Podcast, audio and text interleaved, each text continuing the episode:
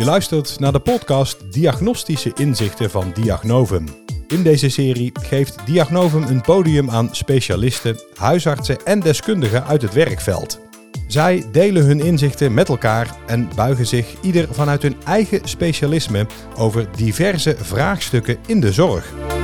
De host van deze serie is Kitty Joachims. We zijn weer beland in de spreekkamer in Dinteloord bij dokter Birkhoff. En uh, vandaag staat in de aflevering uh, pathologie en dermatologie um, centraal. En um, ja, ik wilde eigenlijk maar meteen even naar die dermatologie gaan. Want ik vraag me eigenlijk af. Um, uh, veel mensen gebruiken appjes om foto's te maken van een uitslag op de huid of wat dan ook. Is, is, is, dat handig of is dit dat in de weg? Ik of? vind dat echt een, een, een welkome aanvulling in mijn praktijk. Ja. Mensen kunnen het heel makkelijk laten zien. En uh, je kan toch tot op zekere hoogte heel veel dingen al met bekijken en het verhaal iets beoordelen. Zeker dus je kunt je er ook plekjes. voorbereiden ja, dan. Ja. Ja. Dus nee, ik vind dat echt een uitkomst. Even een, een zijweg. Op de huisartspost doen we het ook heel vaak bij kinderen met huiduitslag en zo. Dan kunnen ze via de telefoon het laten zien. En uh, ik ben daar ook regiearts en dan bekijk ik dat samen met de, de, de centralisten. En dat is echt perfect. Ja. Daar kunnen we echt heel veel mensen heel snel al mee geruststellen of mee helpen. Ja, dat is echt wel een uitvinding. Ja. ja. En uh, ja, sowieso um, uh, digitale snufjes. Uh, ja, de, nou, de video. De, de, bent natuurlijk een beetje een oude dokter, hè? Ja. ja, nou, weet je, je, je, hebt natuurlijk het e-consult, hè? Dan kan je gewoon, nou, ik vind dat prima met één antwoord. Maar soms krijg je echt een uh, antwoord, wedervraag, antwoord. Dus ik vind dat niet zo werkt. Maar goed, ik ben natuurlijk van de oudere generatie. En wat ik... Ik heb wel eens gevraagd aan iemand die helemaal weg was van... Helemaal via de computer straks mensen uitvragen. Ik zeg, vraag die computer dan ook aan die mevrouw van 80 hoe het met een kleinkind is. Want dat doe ik wel. Ja. Hè? Dat doet die computer natuurlijk niet. Hè? Dus ik, ik ben een beetje huiverig. Maar goed, de, de jongere generaties leven met de, de innovaties en computers zo. Dus misschien vinden die dat wel prima. Hè, maar ik, ik feit vaak uit bij een patiënt over, joh, hoe is het thuis? En uh, je zoon heeft een nieuwe auto, wat leuk. Ik zag een pas rijden, een leuke auto. Zeg, kijk, dat vind ik, dat hoort ook bij het huisartsenvak. Ja, en dat gaat die computer straks niet vragen aan, aan die mevrouw of die nee, meneer. Hoe de kans is heel klein. Ja, nou, ja, Dus, maar goed, het zal zeker in de stad, dat heb ik weer in de stad misschien wel veel werk wegnemen. Ja. Dus, maar ik vind het, uh, ik, die teledermatologie, hè, dus dat je een, ik stuur wel eens een plekje naar een dermatoloog en die kijkt er met me mee en dan krijg ik een advies. Hartstikke goed. Ja, ja. Hè, en dus wat dat betreft vind ik het prima, maar um, straks spreken we met een computer hebben, ja, ik vind dat, maar goed, misschien gaat wel komen. Ja, ja en, en, en met zo'n app, uh, werkt dat alleen voor dermatologie of zijn dat ook nog op, wordt dat ook nog op ja, andere Ik doe het alleen maar dermatologie. Ja. ja. Ik niet, um, en dan bij kinderen op de hap, uh, als zij uh, huiduitslag hebben, dan even kijken. Ja, ja. Kijk, je hoeft dat niet in een klein dorp te komen, de mensen met een kind hierheen. Mm -hmm, mm -hmm. uh, en dus, maar op de hap wel. Maar nee, verder doe ik doe alleen TTM voor de huid. Ja. Maar, en, en wanneer heb je met uh, pathologie te maken, om daar ook nog even nou, over te hebben? Ik doe dorpsdokter, ik doe veel kleine ingreepjes, ik haal veel dingen zelf weg. Ja. Uh, weten de mensen ook, ze komen heel vaak en ik stuur alles op. Dus ik heb heel veel mensen te maken. En het is heel mooi geregeld hier, ze komen het hier dagelijks van Diagnovum dagelijks weer ophalen. Dus dat is ook een hele mooie service. Uitstijkjes, uh, uh, poepjes, plasjes, kweetjes en zo. En uh, stukjes weefsel wat ik weghaal. Wordt elke dag hier gehaald. Vind ik echt wel heel mooi geregeld hier. Ja. Ja. En dan heb je ook al snel weer de uitslag? Ja, ja afhankelijk van hoe lang zij tijd hebben. Een kweet ja. duurt vier, ja, drie, vier dingen dagen. duren nou eenmaal langer. Daar kan je ook niks nee, aan is doen. perfect geregeld. Ja. Oké, okay, nou dat is fijn om te horen. Ja. Um, nou heb ik ook begrepen dat je ook zelf de sterilisatie uitvoert bij mannen. Ja, ja. Dus erg leuk. Een hobby? Uh, ja, de echtgenoten moeten erbij zijn. Dat geeft een speciale sfeer. Mannen houden zich wat groter meestal. En een vrouw begint natuurlijk gelijk te vertellen: joh, het is niks vergelijkbaar bij een bevalling. En, en mijn vrouw helpt. Dus die dames hebben meestal de grootste lol natuurlijk onder elkaar. Terwijl die man daar een beetje. Het is een soort double date eigenlijk. Doen. Ja, het is echt ja. leuk. En ja, dat is leuk. Dat, uh, dat loopt ook een beetje uit de hand. Een beetje vaak moet ik het wel doen. Maar het is wel heel leuk om te doen. Als je dat zo vaak doet, dan komen er nog wel kindertjes in het Dinteloord dan. Nou, het is niet alleen voor Dinteloord. Ik oh, doe echt uit okay. de omgeving. Nee, want uh, Dinteloord heb ik wel een beetje gehad nu. Maar ja. nee, ik heb echt wel uh, uit de hele regio. Roosendaal en zo, Bergzoom en uh, de dorpsje omheen. Ik, ik, het gaat ook van mond op mond reclame. Hè. Ik heb één keer een, één jongen gehad en die had een week daarna een feestje. En de week daarna belden drie mannen. Want die vrouw had natuurlijk ook verteld. Nou, het is dan zo gezellig bij die dokter Berghoff. Nou, goed.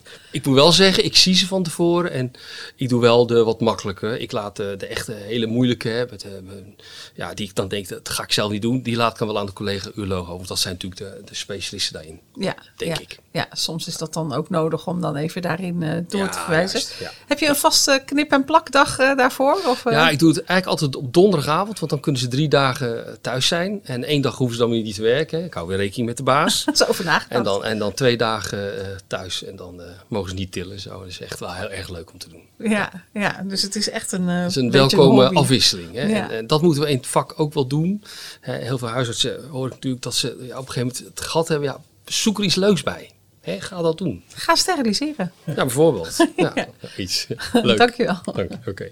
Ja, en ook in deze voorlaatste aflevering van de podcastserie eh, maken we de stap vanuit de spreekkamer van Dr. Birkhoff naar, eh, een van, naar de podcastruimte van het Bravis ziekenhuis in Roosendaal. Zo leuk dat zij hun eigen podcastruimte hebben. Wij mogen daar gebruik van maken en dat doen we vandaag eh, met een dermatoloog en met een patholoog. En jullie mogen jezelf even voorstellen en dan begin ik eh, aan deze kant bij jou. Ja, ik ben eh Kate Dos, 59 jaar, bijna nou, 30 jaar dermatoloog denk ik. En eh, ik heb verschillende plaatsen gewerkt, Den Haag, Roosendaal en ik werk nu in Goes. Ja, dus ook hier in Bravis. eh, Ik heb ook in Bravis gewerkt, ja zeker. Ja. Ja. en herken je het nog een beetje terug of is het helemaal veranderd? Nou, het gebouw is nog helemaal kennen en gelukkig de weg ernaartoe ook. Maar je ziet natuurlijk gewoon, eh Bravis heeft zich ontwikkeld, hartstikke leuk. En je ziet wel wat verandering, maar de sfeer is nog hetzelfde. Kijk, Ja, en dat is het allerbelangrijkste. absoluut, ja. Ik ben Bonjour Neke. Ik werk als patholoog bij eh, Patan. Dat is een groot laboratorium eh, voor de pathologie diagnostiek in eh, Rotterdam. En we doen diagnostiek voor ziekenhuizen en huisartsen in de regio Rotterdam en Zeeland en een deel van Brabant. Ja, en ik heb begrepen dat je ook voor Friesland werkt. Ja, we hebben ook een aantal huisartsen in andere regio's zitten die bij ons materiaal insturen. Dus er zijn heel veel huisartsen eigenlijk eh, die dan eh, bij jullie aangesloten zijn. Ja, zeker. Ja. Ja. En betekent dat dan dat een eh, ziekenhuis zoals bijvoorbeeld Bravis, maar bijvoorbeeld ook het eh, Admiraal de Ruiter ziekenhuis, dat die geen eigen pathologieafdeling eh, meer hebben? Dat klopt, ja. De admiraal de Ruiter ehm, is dan aangesloten bij eh eh, Patan sinds eh, een aantal jaar. En ehm, we hebben een aantal pathologen daar op locatie zitten. Eh, maar eigenlijk is ons hoofdlaboratorium, maar eigenlijk het laboratorium zit in Rotterdam. En daar worden eigenlijk alle, alle materiaal heen gestuurd. En er is wel een patholoog op locatie voor de obducties en voor besprekingen. En voor Fries Kubus als het nodig is. Ja, ja. Eh, hoe lang ben je al werkzaam als patholoog? Eh, ik denk iets van tussen zes en zeven jaar nu. Dat is eigenlijk nog vrij nieuw, toch? In het vak, als we het vergelijken Ja, met... eh, zeker. Ja, het is vrij nieuw. Ja. Maar ja, de opleiding duurt ook al een tijdje. Dus ja, op zich loop je wel een tijd mee in dit wereldje. Ja. En wat is er interessant aan jouw beroep? Eh, interessant. Ja, het is eh, vooral de wisselwerking met de kliniek die heel leuk is. Dus dat je echt samen met de aanvrager ehm, ja, de puzzel oplost, zeg maar. En dat zie je vooral, eh, nou, vooral bij de dermatologie heel erg. En dat je echt ehm, het klinisch beeld nodig hebt, hoe het de letsel eruit ziet. En het verhaal, hoe lang het bestaat, of patiënt medicatie gebruikt en dat soort dingen. Mhm. En vaak ook foto's daarbij, klinische foto's, hoe het eruit ziet. En dat je dan samen kijkt naar de bevindingen onder de microscoop. En het liefst dan nog samen met een, eh, of in een bespreking dan samen dat bekijkt. Om dan samen in moeilijke gevallen tot een conclusie te komen. Ja. ja, want er is wel, denk ik, echt een hele dikke lijn, zeg maar, tussen dermatologie en pathologie. Eh, ja, zeker. We hebben regelmatig overleg. En ik zeg altijd van als de dermatoloog het moeilijk heeft, dan heeft de patholoog het ook moeilijk. Want eh, ja, ehm, net zoals mensen die eh, van buitenaf tegen de huid kijken, je ziet veel dingen zijn rood, veel dingen zijn schilferig. Maar je moet natuurlijk toch naar een zekere diagnose om te weten wat is de prognose, hoe ga je het behandelen. En eh, zo zie je heel vaak in de huid gewoon een infiltraat, dus alle ontstekingscellen zitten. Ja, en hoe, die zich verhouden tot elkaar en waar ze zitten, ja, daar hebben we de patholoog voor nodig. Dus, eh, en, maar ja, ik denk met enkele uitzonderingen daar gelaten, hè, van als je een stukje huid zonder enige informatie aanlevert aan een patholoog, dat hij je niet kan zeggen, nou, dit is, dit is de diagnose. Je hebt elkaar echt nodig in dat je, hè, wat jij ook zegt, van eh, hoe lang bestaat het, waar zit het, hoe is het belopen. Dus je moet elkaar echt aanvullen. Ja, Ja. ja.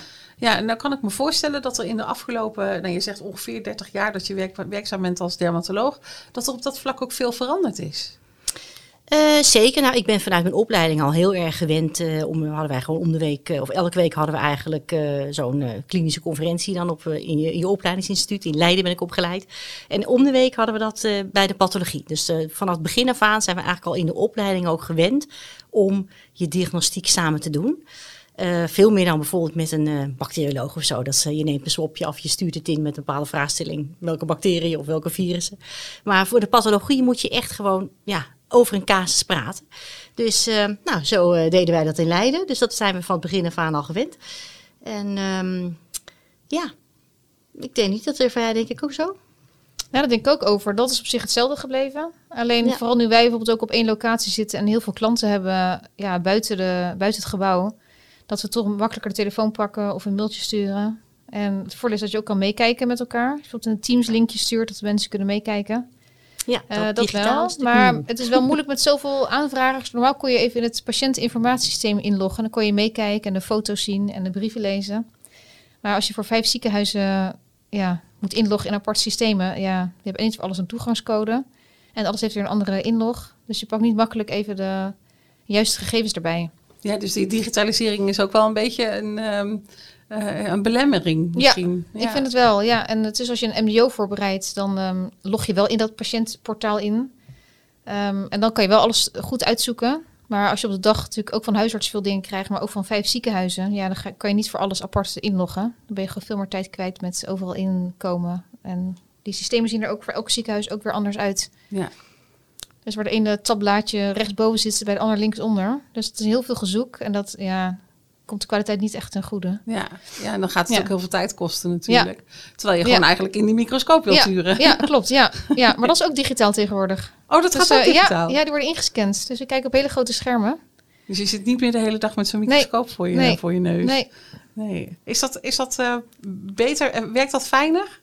nou, het is wel heel makkelijk. Ook als je bijvoorbeeld dingen uit het archief wilde halen. Normaal moest je dan een briefje maken voor het archief of aanklikken dat je iets wilde en dan kwamen ze het brengen. En nu kun je heel makkelijk, eh, ook als iemand belt, kun je gelijk de beelden oproepen. Zonder dat je het weer even terug moet halen en moet terugbellen. Dus als eh, ik gebeld word door een dermatoloog, dan kan ik gelijk een nummertje intypen en dan heb ik het voor me. Ook het van een collega is bijvoorbeeld, kan je even meekijken. Ja. Dus dat is wel heel efficiënt. Ehm, maar ja, het, het, het grootschaliger worden van ehm, het laboratorium heeft ook wel nadelen. En ook de contacten, dat je ook de dermatologen kent van gezicht en van naam. En Ja, dat Ja. verandert natuurlijk nu Ja. wel, nu je ja, wat verder weg zit, Ja. letterlijk. ja, Ja. zeker. Maar volgens mij ben jij ook al blij met vaste gezichten in het eh, Ja, nou wij hebben in de ADZ wel twee vaste dermatopathologen. Ik denk dat er meer pathologen zijn, maar je hebt er twee waarvan we weten die, eh, die zijn geïnteresseerd in, in de huid ook vooral. En eh, daar hebben we dus altijd onze maandelijkse pathologiebespreking, hebben we altijd met een vaste dermatoloog. Of, dermatoloog en pathologen. Ja.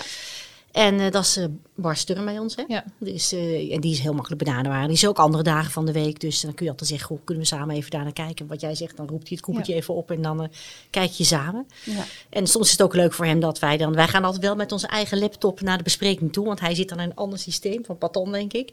En dan willen wij toch de, de foto's laten zien. Nou, Als we ergens een biop van nemen, doen we altijd eerst een foto. eh Mhm. maken we eerst een foto. Ja, gewoon En van de huid. Gewoon, van de huid, gewoon het klinisch een beeld. foto zoals we thuis ook een foto maken, Precies, zeg van maar. Hoe Ja. ziet het eruit, hoe is het verdeeld. eh, eh, nou, en detailfoto's als het om een lesie gaat. En dan is met een dermatopathologie bespreking. Nemen we onze eigen laptop mee, loggen we in eh, bij ons eigen ziekenhuis. En dan kan Bart, dus onze patholoog, die kan dan ook de foto's zien.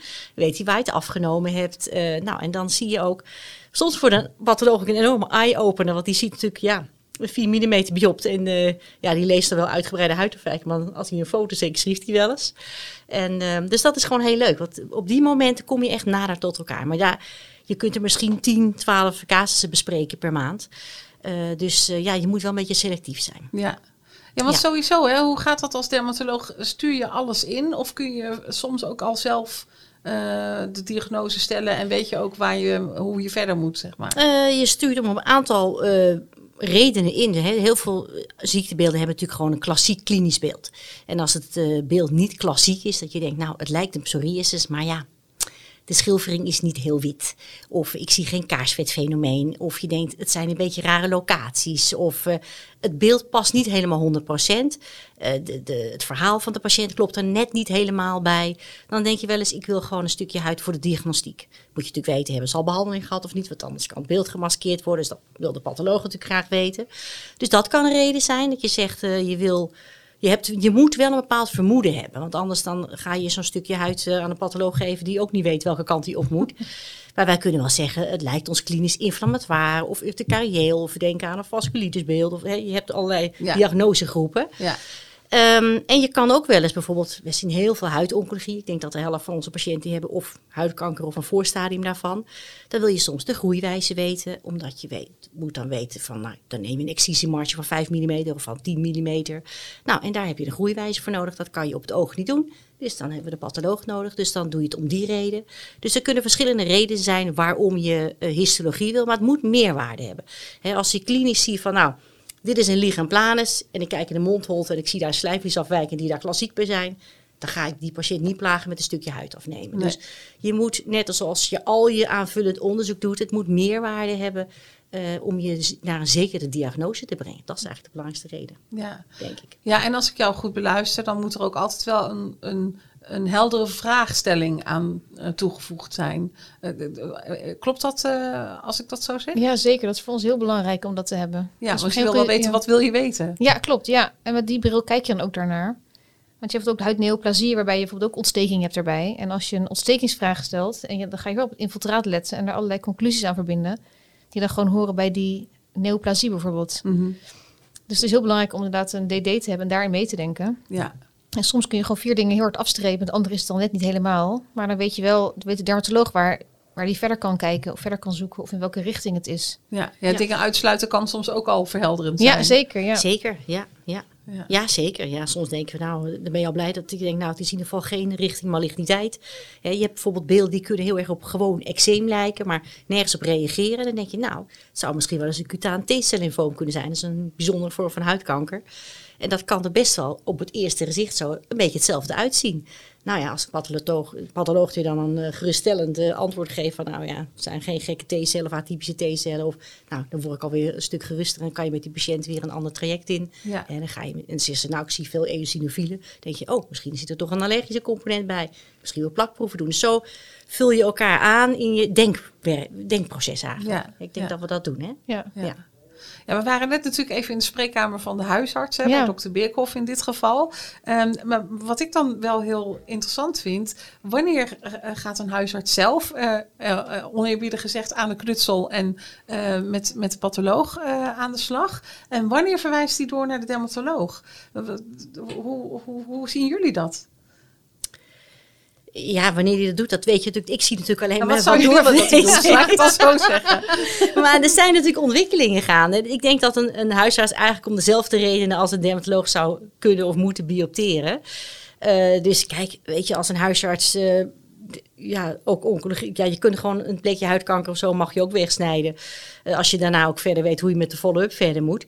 Uh, dus die kan om dezelfde reden denken, ja, is dit een basaalcelcarcinoom? Of is dat niet? Hè? Misschien ja. is een huisarts dan ook alweer tevreden denkt, die hoef ik niet door te sturen.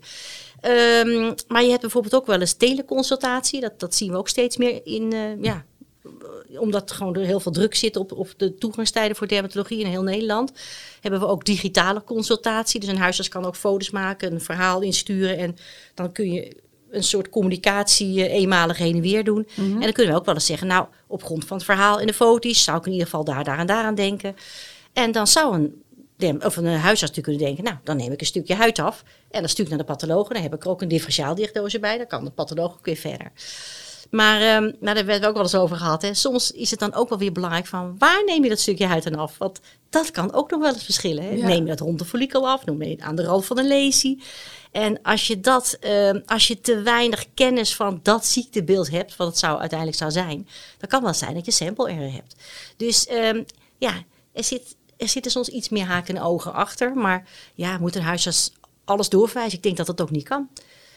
Ik denk dat de huisartsen zien 25 tot 30 procent van hun patiënten hebben wel iets van dermatologie. Ja, die kunnen wij gewoon niet allemaal zien op korte termijn. En hoeft ook niet. Ja. Zijn dat ook toene toenemende klachten, dermatologie? Zijn er steeds meer mensen met huidklachten of is dat niet per se zo? Uh, nou, laten we het zo zeggen, atopische ziektebeelden komen in het algemeen steeds meer voor natuurlijk. Hè. Dus daaronder vallen ook eczemen en dergelijke.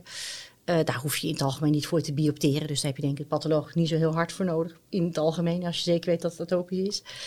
Um, maar bijvoorbeeld huidkanker, ja, dat neemt natuurlijk wel enorm toe. En dat is echt wel een probleem, zou ik maar zeggen. En ook al die voorstadia. En uh, dan is het wel eens heel belangrijk. Ja, is dit al een plaveisselcarcinoom of is het nog een ziekte van Bowen, een voorstadium? Ja. Kan ik het nog met zalf behandelen? Of moet het echt geëxideerd worden? Ja, en dan heb je een patholoog eh, soms heel hard nodig. Dus, Ja. En dat soort En ziekten. de dermatoloog ook. Ja, ook. Maar dat soort ziektebeeld neemt gewoon enorm toe. Ja. En dus ook huisartsen worden daar steeds meer mee geconfronteerd. Ja. Nou hoorde ik je net ehm, eh, even zeggen eh, op afstand. Eh, een, eh, een consult op afstand, of, of in ieder geval een overleg op afstand met de huisarts over een stukje huid. Ehm, en dan had dokter Birkhoff had het over een bepaalde app. Is dat die app die, eh, waarmee jullie beelden met elkaar kunnen uitwisselen en zo kunnen kijken naar. eh, of, of zij, kunnen patiënten ook al met zo'n app aan de slag? Nou, dat zijn heel veel soorten apps. Je ziet natuurlijk dat de digitalisatie zijn intrede heeft gedaan. En sommige zijn goed en sommige zijn minder goed. Eh, er zijn ook apps waar bijvoorbeeld mensen foto's kunnen vergelijken met een soort fotogalerij. En dan dat is het. Maar er zijn ook apps waar toch op de achtergrond altijd wel dermatologen weer meekijken. Eh, maar er zijn ook allerlei initiatieven in ontwikkeling eh, waar je gewoon als, als huisarts en als medisch specialist met elkaar over en weer in een bepaald format kan communiceren. Eh, het ADZ gaat ook weer meedenkconsulten mee starten. En dan, ik denk dat dat wel meerwaarde heeft. En daar kunnen patiënten gewoon beter bij de huisarts behandeld blijven en hoeven niet per se naar de tweede lijn. En ja, of ze dan. Uiteindelijk kan de pathologie altijd toch weer bij de patholoog terechtkomen. ja. We gaan eh, zo meteen eh, met jullie eh, verder praten. Maar we zijn natuurlijk ook benieuwd naar de feiten en de cijfers. Want hoeveel krijgen jullie nou binnen bij de patholoog? En hoe, hoe groot is nou de huid? Hè? De, huid? de huid is natuurlijk het grootste orgaan van de mens. Nou, al die dingen zou ik ook allemaal aan jullie kunnen vragen. Maar daar hebben we natuurlijk ook onze datadokter voor. Die heeft al die feiten en cijfers voor ons op een rijtje gezet. En daar gaan we nu naar luisteren. De datadokter. Pathologie wordt ook wel ziekteleer genoemd. Het is een medisch specialisme dat zich bezighoudt met het diagnosticeren van ziekten. Daarnaast bestaat het vakgebied uit onderzoeken van oorzaken en mechanismen voor het ontstaan van ziektes. Een patholoog onderzoekt cellen en weefsels van patiënten. Dit gebeurt vooral op aanvraag van andere medisch specialisten, zoals chirurgen, huidartsen of maag-darm-leverartsen. Het gaat om het bekijken van uitstrijkjes, vocht, kleinere of grotere hapjes uit het weefsel. De patholoog onderzoekt ook overleden patiënten na toestemming van nabestaanden. Er zijn verschillende soorten pathologische onderzoeken, zoals histologie, oftewel weefselonderzoek, cytologie, oftewel celonderzoek, immuunhistochemie, oftewel antilichamenonderzoek, moleculair onderzoek, oftewel DNA-onderzoek, elektronenmicroscopie, oftewel celafwijkingonderzoek, en obductie, oftewel medisch-chirurgisch onderzoek. Het pathologisch laboratorium Patan voert pathologieonderzoeken uit voor ziekenhuizen en huisartsen, waarbij onder andere voor het Admiraal de Ruiter ziekenhuis en in samenwerking met Diagnovum. In haar laboratorium krijgt Patan veel verschillende patiëntenmaterialen binnen, van eenvoudige kleine biopten tot grotere operatiepreparaten. Dermatologie is een medisch specialisme dat vooral is gericht op aandoeningen van de huid, nagels en haar. De dermatoloog doet zowel de diagnostiek als de behandeling van huidziekten. Veel voorkomende huidaandoeningen zijn eczeem, psoriasis en huidkanker. Een dermatoloog stelt een diagnose vast op basis van wat op het oog zichtbaar is, via microscopisch onderzoek, door een huidbiopt die naar de patholoog is gestuurd, via een huidkweek en via allergietesten. Zonder dat we erbij stilstaan, is de huid een heel bijzonder orgaan. Wist je bijvoorbeeld dat je elke minuut zo'n 30 tot 40.000 oude huidcellen verliest? De huid een oppervlakte heeft van ongeveer 2 vierkante meter en daarmee het grootste orgaan is. Zo'n 16% van je hele gewicht van je huid komt. De huid niet overal even dik is op je lichaam. Er zitten verschillen in tussen de 0,05 en de 1,5 mm dikte. De huid jouw lichaam helpt om op de juiste temperatuur te blijven. De huid uit drie verschillende lagen bestaat. Dit zijn de opperhuid, de lederhuid en de bindweefsellaag. Onze huid de eerste verdedigingslinie is tegen schadelijke invloeden in onze omgeving. Kortom, de huid is iets om zuinig op te zijn. Ja, bij mij zitten nog steeds eh Keten Nos en eh Bonjour Neke. Ik zeg het goed, hè? Allebei, hè? Ja, dat vind ik, vind ik belangrijk dat namen goed ge- genoemd worden. Nou, we hoorden net bij de feiten en cijfers. Ik weet niet of jullie nieuwe dingen hebben gehoord. Maar ik hoorde dus eh, twee vierkante meter huid. Daar heb je je handen vol aan als dermatoloog. Zeker, zeker. Daar heb je handen vol aan. Maar we zijn er gelukkig bedreven in. Dus eh, ik zeg altijd, je moet een bepaalde vaste volgorde hebben waarin je iemand nakijkt. Dan eh, vergeet je ook niks. Weet je zeker dat je elke vierkante centimeter hebt gezien. Want patiënten hebben wel eens de neiging te zeggen, ja, hier heb ik nog een plekje, hier heb ik nog een plekje. Zeg ik, alles komt aan de orde. Dus eh, Ja, dus ook als Ja. iemand komt met één plekje op de elleboog, ik noem maar wat, dan ga je toch dat hele Ja. lichaam even af. ja, zeker als het om kwaadaardige plekjes gaat of verdenking van een kwaadaardig plekje, dan is het zeker belangrijk. Maar ook bijvoorbeeld als je denkt, goh, ik zie hier een huidaandoening, die kan ik niet meteen plaatsen. Het is heel belangrijk om soms ook het, het, ehm, de hele huid te bekijken, omdat sommige huidziekten ook echt een bepaald patroon hebben. Hè. Dan zit het op bepaalde plaatsen en dan kan de lokalisatie van huidafwijking je ook helpen bij het stellen van een diagnose. Dus het heeft allerlei voordelen om de huid in zijn geheel na te kijken. En eh, ja, ik denk dat dat wel een verschil is ook met de huisarts. Die focust meestal toch op de vraag van de patiënt. Maar ik zeg tegen de co-assistenten, ja, als je het niet weet, dan is het zeker belangrijk om alles na te kijken. Ja. ja, en als patholoog zie je maar een heel klein stukje. Ja, klopt. Ja, dat is ook het eh, lastige van het vak soms hoor. Ja, dat je natuurlijk eh, sampling error kan hebben als je maar een klein stukje bekijkt. Ja. En we hadden het net al even over op de juiste plek biopteren. Soms is het handig om de overgang te hebben van een, eh, het zieke deel naar het gezonde deel. En soms wil je juist het, een stukje gezond deel hebben ter vergelijking. Ja, En soms wil je juist het, eh, bij een tumor bijvoorbeeld het diepste deel van de lesie hebben. Dat je weet hoe diep die groeit. Dus het is ook wel belangrijk om te denken als je biopteert, eh, ja, waar neem je het biopt? ja, En eh, niet te hard inknijpen met de pincet. Dat gebeurt ook nog wel eens. En dan kun je ook weinig zeggen. ja. En dat is gewoon zonde. Ja, dus het is wel ook dat het, nemen van een biopt is op zich al een vak apart eigenlijk. Nou ja, dat, eh dat zo wil ik ook weer niet gaan. Maar Nou. Maar- maar vo- Voed je dan de mensen ook op die iets insturen? nou, ik ben, ja, ik ben, ja van- vaak zeg ik wel eens dat er verknijpingsartefacten zijn. Of dat het oppervlakkig is. Of, ehm, dat zet ik er wel vaak bij. En als we nascholing geven, dan stippen we heel vaak wel dit onderwerp aan. Ja, Ja, om te laten zien wanneer je iets biopteert en hoe je het biopteert. En wanneer je beter een excisie kan doen. Een diagnostische excisie bijvoorbeeld, wanneer dat belangrijk is.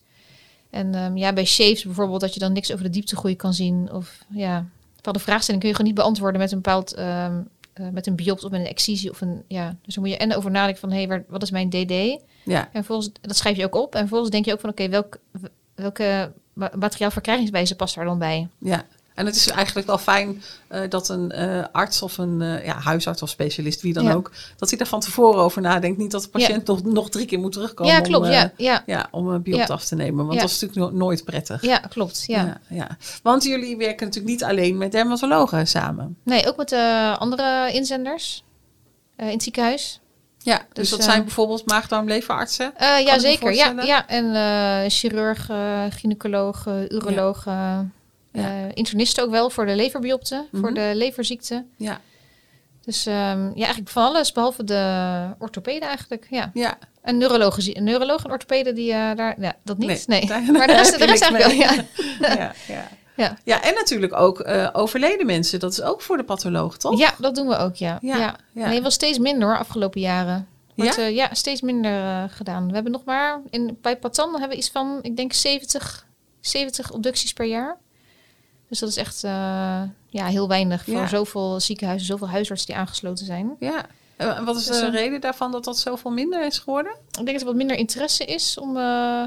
eh, ja, dat er ook, ja, vroeger was dat wel zo dat je natuurlijk patiënten overleden of, of via de SCH binnenkwamen en er was er nog geen beeldvorm of iets gedaan. En Mhm. nu is, weet je al best wel veel meer ehm, ja, als patiënten overlijden. En, ja, ehm, dus het is niet meer zo hard nodig het eigenlijk. is, nee, klopt, ja. Het is- en het is toch wel in- invasief. Ik denk dat mensen het ook lastig vinden dat uh, overleden nog worden onderzocht daarna. Ja, Ehm, Ja. ja. het is natuurlijk vooral voor de doodsoorzaak vaststellen, maar ook het beloop. Ja, even kijken of het, of het uh, verdenkt op bepaalde ziekte en er wordt behandeld. Of het wel de juiste behandeling is geweest. Ja, dus, ja want het kan me wel, uh, ik kan me wel voorstellen dat het uh, in ieder geval interessant is voor specialisten om daar ook weer lering uit ja. te halen. Ja, zeker. Ja, dus als er echt een obductie is, dan komt ook vaak wel uh, de intensivist of de SCH-arts of net wie dan de inzender is, die komt ook echt wel ook meekijken en meedenken. En um, ja, dat je daar ook wel weer samen, daar heb je elkaar ook weer nodig, dat je ja. samen tot de conclusie komt. Want als je alleen een lichaam hebt, ja, dan uh, ja, weet je nog niks natuurlijk. Nee, ja. precies. Ja. Je hebt meer nodig om een goed beeld te kunnen krijgen daarvan. Ja. ja. En, en wat, wat doe je? Ben je dan zelf ergens in gespecialiseerd? Of hoe werkt dat? Of kan je Eh, op alle nou, op- vlakken worden ingezet? Nou, de pathologen in principe eh, bij ons, uh, ook al zijn we heel groot, doen we eigenlijk alles. Mhm. Alleen de nierbiopten worden apart gedaan, de leverbiopten en de um, lymfoomvraagstellingen, dus lymfeklierkankerdingen. Die zijn eh, ja, te ingewikkeld om voor iedereen zeg maar, te kunnen doen. Mhm. En verder doen we eigenlijk alles met elkaar. Alleen wel, we hebben wel aandachtsgebieden. En voor mij is het dan eerste lijnsdiagnostiek. Dus veel dingen van de huisarts. eh, de huid en de lever Ja. zijn mijn eh, aandachtsgebieden. Ja. Nou, we hoorden net bij de feiten en cijfers ook al dat de huisartsen verantwoordelijk zijn voor het grootste deel van jouw werk, toch? Ehm, nou, van de qua huidjes. Ja, qua huidziekte, ja, die, die sturen dubbel zoveel huiden in dan de dermatologen. Eh, we krijgen ongeveer 30.000 inzendingen van huisartsen per jaar. En dat zijn dus zowel excises als biopten. Ja. En ehm, waarbij het merendeel wel neoplastische vraagstellingen zijn. Dus Ja. eh, huid, eh, huidkankers of voorstadia daarvan. ja. En veel minder van de, van de dermatoloog. Ver- Verbaast dat, eh, de- verbaast dat jou? Eh, nou, ik had eigenlijk niet het idee dat... eh, ik zei al, huisartsen zien wel denk ik heel veel dermatologie. Maar eh, ja, het is voor mij wel nieuw eigenlijk dat, dat ze zoveel histologie insturen. Ehm, ja, ik, dat wel. Ja. Sommigen vinden het leuk om te snijden misschien, ik weet het niet. Maar... nou ja, want ik, ik vind het prima. Maar het, het is natuurlijk net wat we, waar we het net ook over hadden. Hè. Je, je moet toch wel, om op de juiste plaats te biopteren, weten hoe zo'n ziektebeeld in elkaar zit. eh, wa- waar het zich in de huid afspeelt. Ehm, dus de, de meerwaarde van zo'n vraag, eh, of de meerwaarde van een biopt is vooral dat je dat, je dat gaat vinden waar je naar zoekt. Hè? Ja. En als je denkt van nou, ehm, ja, wat is het? Ik biopteer maar. Dan, dan kom je niet ver, zou ik maar zeggen. Dat zal niet gebeuren hoor, maar dat zeg ik niet hoor. Maar eh, ik ben gewoon wel benieuwd. En eh, er komt natuurlijk heel, heel veel huidkanker voor. Ja, dat Ja. denk ik wel. Maar ja, het is daarna ook van, je kunt zeggen, goh, ik heb een basaalcelcarcinoom uh, geëxcideerd als huisarts. Dat kan je denk ik prima doen. Uh, maar ga je daarna ook een patiënt um, verder elk jaar controleren? Die, hele natraject wat we eigenlijk als huidkankerzorg ook zien, uh, gebeurt dat wel in de huisartspraktijk. Hè? Het voorbeeld als wat ik zei van, ik denk dat de meeste patiënten die met een plekje bij de huisarts komen, dat die zich in eerste instantie focussen op dat plekje. En wij kijken eigenlijk al vanaf het eerste bezoek meteen heel breed naar de huid. Ja. Dus en dan neem je alles mee, uh, het huidtype, de zonschade, mensen krijgen voorlichting erover. Dus dat is breder dan alleen maar de diagnostiek en dan dat stukje weghalen. Mm-hmm. Ja. Um, patiënten hebben ook recht op al die zorg die daar nog bij hoort. Ja. Dus, uh, en dat, uh, maar ik weet niet, ja, jij zegt dus toch vooral huidmaligniteit en voorstellen. Ja. Nou, en ja. uitsluiten misschien ook. Ja, Hè? zit ook heel Ja. veel wel cosmetische ingrepen of moedervlekjes die dan irriteren bij de BH-band meestal. Ja, en fibroompjes uh, zeggen ze dan en uh, Dus, Nou, dat, dat kiestes. klopt wel. Dat Ja. is eigenlijk ook wel goed. Want uh, ja, wij doen eigenlijk uh, hui, goedaardige huidafwijkingen. dienen niet meer in de tweede lijn behandeld te worden. Dat is de niet, niet vergoede zorg ook. Daar, daarvoor adviseren mensen ook naar de huisarts te gaan. En we zeggen wel, alles wat je weghaalt, toch altijd goed om te controleren. Dus dat, ja, dat kan ik me wel voorstellen dat dat dan veel Ja. plekken zijn. Ja. Ja. Ja. Dus dan is Ja. het toch wel weer te verklaren, zeg maar. Want Ja. zegt inderdaad, alles wat je weghaalt, wel even insturen. Als huisarts ook. Nou, volgens mij wordt ook wel eens wat weggegooid. Ja. Ja, dat gebeurt wel eens natuurlijk. Of misschien wel heel vaak, geen idee. Maar eh, nou ja, we weten wel uit alle onderzoek uit het verleden. Je kan natuurlijk best wel eens een keer verrast worden. Of dat mensen ook met metastase eh, bij een chirurg komen en dan eh, denken... ja, is er ooit eens een keer iets weggehaald? Ja, ja, inderdaad. Twaalf jaar geleden wel een dingetje weggehaald. Ja, geen onderzoek gedaan. Ja. Is misschien wel zelden, maar uit dat soort casussen is toch wel altijd gekomen... als je iets weghaalt, stuur het ook maar op. Ja. Hè? Ja. Maar ja, het kan zijn als het natuurlijk heel evident benicht is. Als mensen heel veel van die kleine skin tags hebben, van die kleine stilbratjes. Hè. Ja, die ga je natuurlijk allemaal niet opsturen. Dat, Ik denk dat ze die gewoon allemaal afknippen. Maar uh, ja, dat, dat is wel toch iets waar we zeggen. Ja, uiteindelijk heeft de patholoog ook toch het laatste woord hierin. Hè. Ja, dat is waar. Ja. Ja. Dus het is wel. het is voor ons ook handig om te weten dat er eerder iets is weggehaald. Vooral Ja, bij uh, ja. nefoïde afwijkingen. Als je eerder iets weghaalt, je hebt dan een litteken met een nevus. Het zijn echt wel hele lastige dingen. Ja. Als je weet dat er eerder iets weggehaald is, dat helpt gewoon heel erg in uh, de beoordeling daarvan. Ja. Dan zei jij net al, hè, de spreekuren zitten heel erg vol en het aantal mensen met huidkanker neemt echt wel toe. Uh, hoe zie je de toekomst? Uh, nou, ik denk dat we heel erg moeten gaan samenwerken met de eerste lijn. En uh, dat we patiënten misschien zelf ook veel meer uh, moeten toerusten op waar let je op. we zien al ook dat, kijk, toen ik opgeleid werd, 20 jaar geleden, 30 jaar geleden, toen ja, melanoom was eigenlijk heel zeldzaam. Die kwam meteen op de pathologie bespreken, zou ik maar zeggen. En nu zien we dat zo regelmatig als niet iets om meteen te zeggen... nou, die gaan we deze maand bespreken. Um, en um, dus ik denk dat patiënten ook uh, moeten leren wanneer ga ik zelf aan de bel trekken. Hè. De controles voor basaalcelcarcinoom zijn een jaar of tien geleden ook drastisch teruggebracht. Hè, vroeger controleerden ze drie weken na de excisie van een basaalcelcarcinoom. Drie weken, zes weken, drie maanden, zes maanden was heel vaak. En tegenwoordig zeggen we nou eenmalig alles nakijken. Dus als je eerste basaalcelcarcinoom is, dan kom je, blijf je niet eens onder controle. En heb je er twee of meer, dan wel natuurlijk. Maar dan eh, zijn die controles met veel langere termijnen. Dus ik denk dat ze patiënten kunnen helpen. Waar let je op? Nou, daar kunnen dat soort apps bij eh, helpen waar we het net over hadden. Ja. Eh, dus we zullen de patiënt een stukje zelfmanagement moeten geven. De huisarts moeten helpen. Er komen verpleegkundige specialisten. Hè, die als een soort brug kunnen dienen tussen ons en de, de eerste lijn. Ik denk dat we daarin moeten zoeken, ja. Mee eens? Ja, dat denk ik ook. ja. ja. En hoe zie je de Ja. toekomst voor, eh, voor de patholoog? Nou, we krijgen het wel drukker natuurlijk met Ja. alle inzendingen. En er wordt ook vooral voor de melanocitaire afwijkingen... ehm, wordt er veel meer moleculaire diagnostiek verricht. En ja, de afwijkingen worden ook wel steeds ingewikkelder. Er worden steeds meer nieuwe namen opgeplakt en in categorieën ingedeeld. En we hebben dan met elkaar een intern eh, melanoompanel... waarin we dus drie keer per week met een groepje dermatopathologen... samen de moeilijke dingen bekijken. En is een re- regionaal panel waar dan een gedeelte naar wordt doorgestuurd. En ja, die zit ook hartstikke vol, waar de specialisten uit de regio met elkaar nog die dingen beoordelen. En dat zijn ook gewoon dingen die heel veel tijd kosten Ja. en die wat ingewikkelder worden. Eh, en die ook heel veel geld kosten. Moleculair onderzoek is gewoon heel kostbaar. Mhm. Dus het is ook wel eh, een kostenplaatje wat erbij komt kijken. ja. En zijn er eh, straks ook nog genoeg pathologen om al, al die inzendingen te bekijken en te beoordelen? Voorlopig wel. Maar ja. ja, ik denk dat wel wat veranderingen gaan plaatsvinden in het, eh, in het veld. Het een aantal dingen, bijvoorbeeld nu kijken we alle darmpolypen bijvoorbeeld ook, die bij volksonderzoek worden weggehaald. En dus een deel wordt dan ook uitbesteed aan eh, analisten die opgeleid zijn daarvoor in sommige laboratoria. En het idee is om misschien die polypen ook niet allemaal meer in te sturen, omdat het groot deel gewoon toch een voorstadium is en niet kwaadaardig wordt. Oké. Dus, maar het is een onderzoeksfase om te kijken van wat ziet de eh, MDL-arts zeg maar, op de scopiebeelden en wat is dan de pathologie-uitslag. Dat er misschien van die polypen dus wel gewoon in de prullenbak kunnen. En dat verlicht wel ook weer de werkdruk natuurlijk. Ja. Is dat niet, eh, niet gevaarlijk of niet eng dat je daardoor dingen mist? Eh, uiteindelijk, ja, je gaat wel een risico nemen natuurlijk. Ja, Ja. Je gaat wel, ja, maar het wordt nu ook bijvoorbeeld gedaan met eh, appendixen. Vroeger werden die ook allemaal ingestuurd. En nu alleen als de chirurg denkt van nou, hij is toch een beetje eh, ja, atypisch of afwijkend of klopt niet helemaal. Dan sturen ze toch op. Maar de, ja, en de galblaas hetzelfde. Die worden Ja. niet allemaal meer opgestuurd. Ja. Dus uiteindelijk wordt het toch meer selectief ingestuurd. Ja. Ja, maar dat is, doe je niet op de een op de andere dag natuurlijk. Wordt Nee, wel echt goed dat- onderzocht. En ja, je neemt een risico daarmee. Dus dat zijn wel dingen waar rekening mee moet worden gehouden. Ja, ja. voortdurend eh, afwegen. Ja, En voortdurend in ontwikkeling dus Ja. ook. Dank jullie wel eh, voor, jullie, eh, voor jullie bijdrage. graag gedaan. Graag gedaan. Ja, we hoorden net al van de dermatoloog. De patholoog heeft altijd het laatste woord. Dus eh, dat doen we vandaag ook gewoon. Want eh, in deze serie, dat ben je inmiddels gewend, eh, krijg je ook steeds een klein geschiedenislesje. En in dit geval is dat Bosju Neke, de patholoog, die ons een stukje van de historie van de pathologie slash dermatologie gaat, gaat geven. Ga je gang. Dankjewel. Ja, ik zal het hebben over eh, de eh, geschiedenis sinds ik zelf eigenlijk in opleiding tot patholoog ben en mijn werkzame carrière tot nu toe. En dus niet zo heel ver terug, maar ehm, ja, de dingen die wij vooral eh, zien aan verschuiving is dat er vroeger nog veel obducties werden gedaan.